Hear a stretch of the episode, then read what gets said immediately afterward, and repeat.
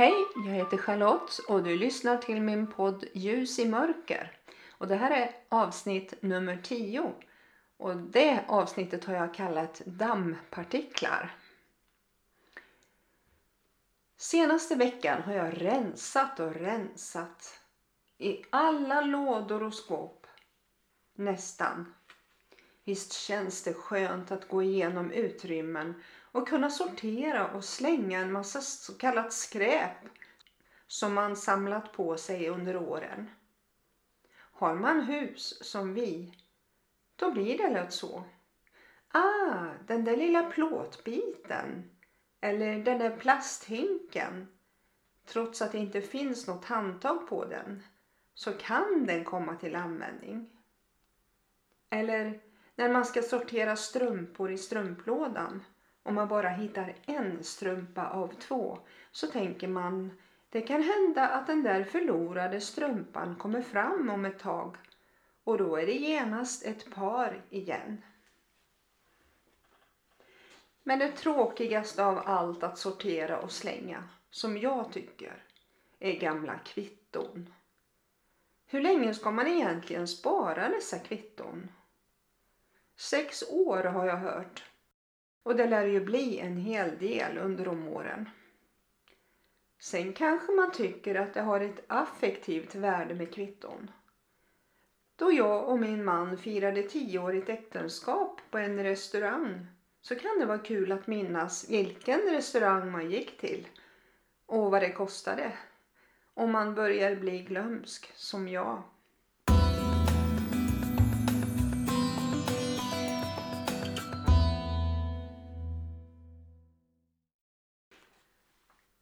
Jag hittade en guldgruva idag. Nej, ingen gammal låda med strumpor och inte heller några dyrbara bortglömda smycken. Nej, det var en kasse full med teckningar från mina barn och barnbarn som jag sparat. De kan man kalla för att det finns affektionsvärde i. Sanna mina ord. Tänk vad gulliga teckningar de gjort och skrivit namn över personerna på bilden. Michelle och mormor som sitter vid köksbordet och det finns en massa mat framför oss till exempel. Eller en fin teckning på en soluppgång från min nu 37-åriga dotter där hon skriver Den här har jag gjort alldeles själv. Man blir mäkta stolt. Sånt slänger man inte. Det är oförlåtligt, tycker jag. Namnet på det här avsnittet fick jag idag. Dammpartiklar. Vi har en damm. Kanske lite gammalmodigt när vi ser att det byggs swimmingpölar runt omkring oss där vi bor. Men då är det ju barnfamiljer där man måste ha en plaskdamm till barnen. Är man lika gammal som jag och min man så blir det en damm med fiskar i. Nej, fiskarna skaffade vi inte på en gång. Det dröjde några år innan vi tyckte det var tråkigt att se de där små salamandrarna simma omkring på botten. Det är små vattenödlor för er som inte vet. De är ganska tråkiga i färgen också. Nej, vi ville ha guldfiskar. Vi köpte fyra stycken för cirka fyra år sedan tror jag det var och tänkte inte på att det blir fler om det är olika kön på dem. Vi kunde ju inte se vilket kön de hade när vi skaffade dem och inte expediten heller, så vi fick chansa. Men ändå kul om det blir fiskyngel av dem, tänkte vi. Hmm. Förra året fick vi ännu fler än vi räknat med. Vi fick sälja av 75 stycken sammanlagt vid två tillfällen. Och det var inte lätt att fånga de små rackarna. De kunde verkligen lägga på ett kol när det behövdes. Det tog några timmar att fånga dem med hovarna. I år är det cirka 50-60 stycken kvar. De verkar verkligen trivas. Men oj vad mycket alger vi fått i sommar. Det har ju varit så varmt Och vi har fått mycket skräp i dammen från till exempel björken som står intill. Och det där skräpet gjorde ju att vattnet blir både grumligt och grönt. Förr sa man grönt är skönt, men sannerligen inte i detta fallet. Vi hade mycket dammpartiklar på botten och runt kanterna som skulle väck. Det fick bli kemisk bekämpning till slut för det fanns inget annat som bet på algerna. Så nu börjar det klarna. Vattnet alltså. Jag har tvättat stenar i mängd och parti. Sådana där svartvita 2-3 cm stora stenar som kallas dekorationsstenar som jag lägger i kanten. Så nu känns det i ryggen vill jag lova. Jag köpte en ny kantmatta i nylon som växterna ska rota sig i. Och vi lägger om plattorna runt dammen som ska fixeras med cement. Tänk en gång extra, minst, om ni funderar på att anlägga damm. Visst, det är härligt att sitta där i pergolan och fika och lyssna på vattenfallet och se fiskarna stimma omkring. Men det är också mycket jobb. Speciellt om allt börjar växa igen av allt möjligt. De andra dammpartiklarna som lägger sig bakom dörren i sovrummet och lite varstans får ligga lite just nu. Det är ingen fara. Men det värsta tycker jag är när man har en speciell bok som ligger med en massa damm på. Man borde ha lite mer energi att få bort det dammet och det är ju egentligen inte så svårt. Det är bara att blåsa till. Vet ni vilken bok jag pratar om? Jo, just det ja. Bibeln. Man sa så här förr. Damm på din bibel blir rost i din själ. Och jag är säker på att det kan bli så. Det finns nog inte många hem där det inte finns en bibel i bokhyllan. Men tyvärr så får den stå där hur länge som helst. Kanske att en del tar fram den på julafton någon gång mellan Kalle Anka och julgotterna i bästa fall. Och man läser julevangeliet. Det är sorgligt att det ska vara så.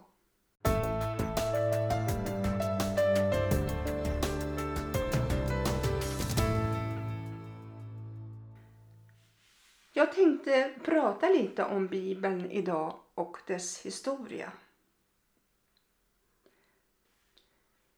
Bibeln kallas för böckernas bok för det är en bok som är mest läst i hela världen.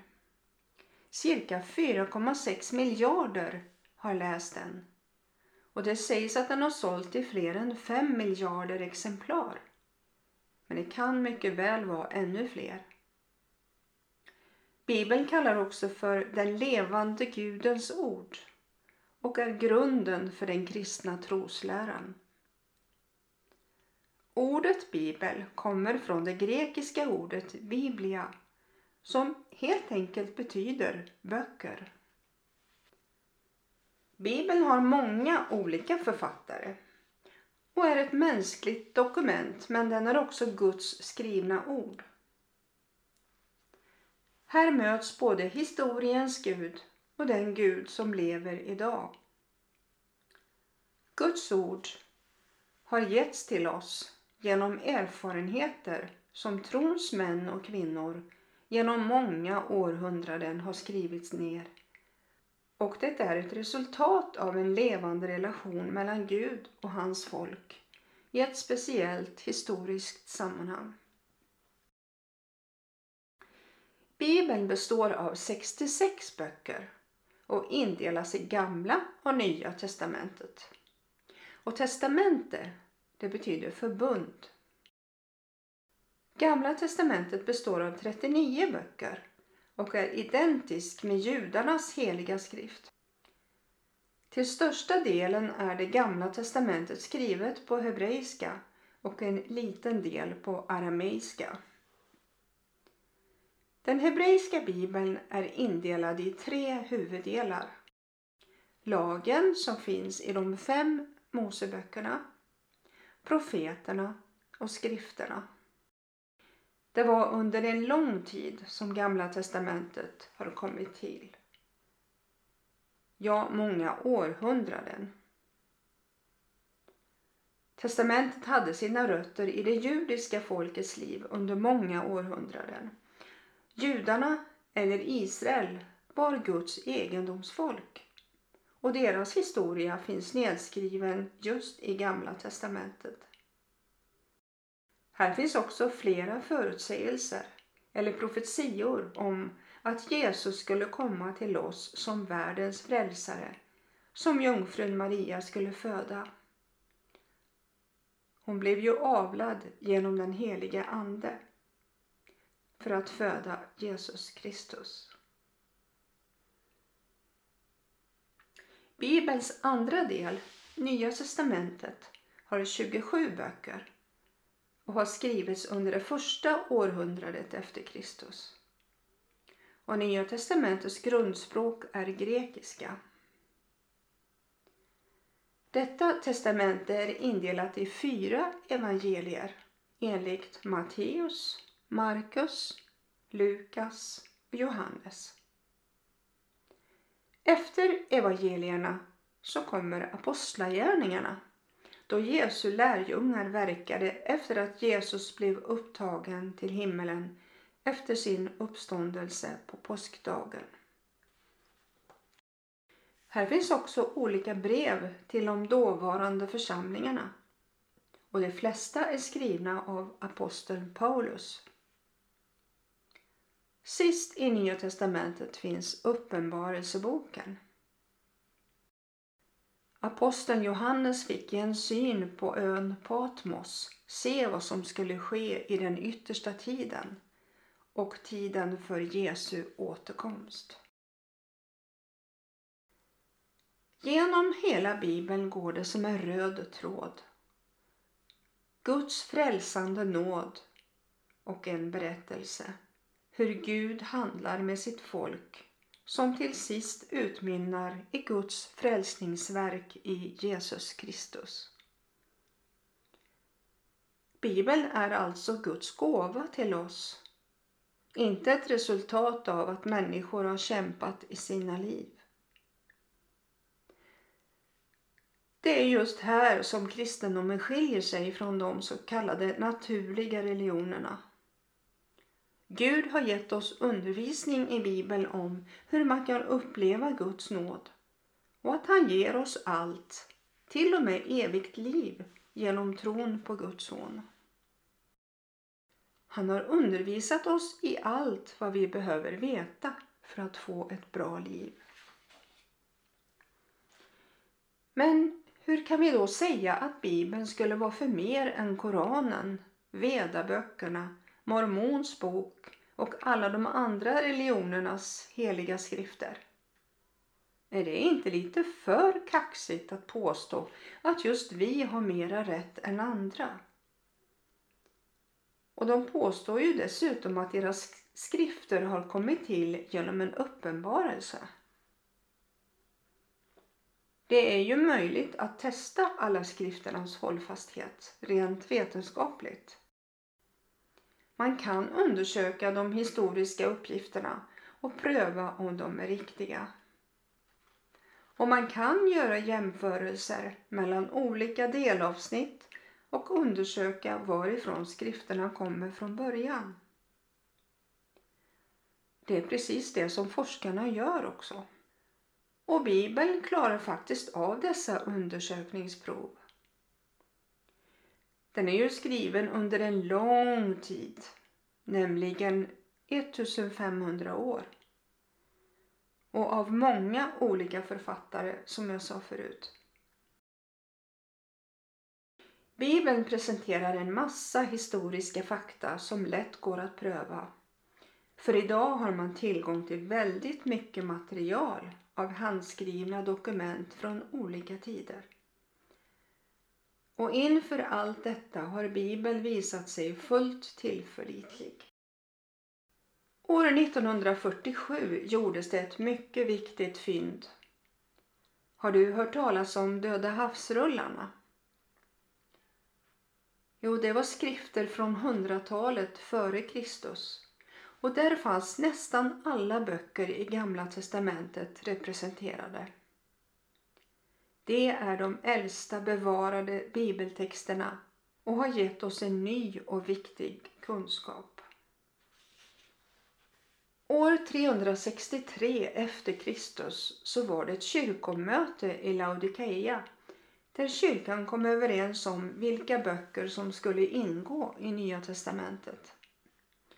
Kyrkorna var framförallt angelägna om att de dokument som togs med i Nya testamentet verkligen var vittnesuppgifter och erfarenheter som apostlarna hade förmedlat. Alltså de som levt närmast Jesus och med egna ögon hade sett hans verk. Både Gamla och Nya testamentet betraktades som Guds ord av kyrkan. Hela samlingen av böcker var inspirerad av Gud och var också kyrkans auktoritet i fråga om sann tro och kristet liv. Jag förundras fortfarande över att jag kunde läsa Bibeln när jag var nyfrälst och förstod allt som stod där i. Det var ju en gammal översättning från 1917. Ändå fick den översättningen kritik för att vara för vardaglig och tappat sin högtidlighet som fanns i Gustav Vasas bibel från 1541. Andra tyckte den var gammalmodig redan när den kom ut. Och en del ansåg att den var för teologiskt liberal. I början av 1950-talet började det att diskuteras om att det var dags för ytterligare en ny översättning. Då hade tydligen texten blivit för svår att förstå bland större grupper i samhället. 1972 tillsatte staten en ny bibelkommission och orsakerna till det var språkets utveckling och bibelforskningens framsteg. Det har senare kommit ut nya översättningar av Bibeln, bland annat Svenska folkbibeln och Bibel 2000. Jag kan själv märka vilken okunskap det finns idag om Bibeln och det tycker jag är tragiskt. Därför att Bibeln och kristendomen är en grundläggande del av vår historia. Den som aldrig läst Bibeln saknar förutsättning att förstå den kultur och civilisation vi lever i. Bibeln har ju också inspirerat många konstnärer, författare och kompositörer. Den har påverkat vårt sätt att tänka och den har format vårt samhälle. Genom alla tider har människor upptäckt att de urgamla texterna berör en personligen. De handlar om ens liv, tankar och problem. Här finns alla de stora existentiella frågorna om identitet, mognad, relationer, liv och död. Och naturligtvis frågorna som jag ställde och många har ställt och fortfarande gör. Vem är Gud? Varför finns jag? Och vad vill han göra i mitt liv? Bibeln är en bok som berör alla människor och det är många som har hittat sina svar i Bibeln. Så har det varit i flera tusen år och så kommer det också att vara framöver. Så, det kanske är dags att blåsa av dammpartiklarna från Bibelns första perm och börja läsa lite varje dag. Det gör en så mycket större skillnad i vardagen och även under helgen naturligtvis att börja dagen med en liten bibelvers. Jag rekommenderar dig att om du inte är van att läsa Bibeln så börja med evangelierna Matteus, Markus, Lukas, Johannes. Och speciellt ett ställe som kallas för den lilla bibeln. Det är Johannes evangelium kapitel 3 och vers 16. Nu är jag nyfiken på vad just du har för erfarenhet av böckernas bok. Vad betyder Bibeln för dig? Skriv gärna, antingen i kommentarsfältet på Podbean eller också på Messenger. Tack för din respons och Gud välsigne dig.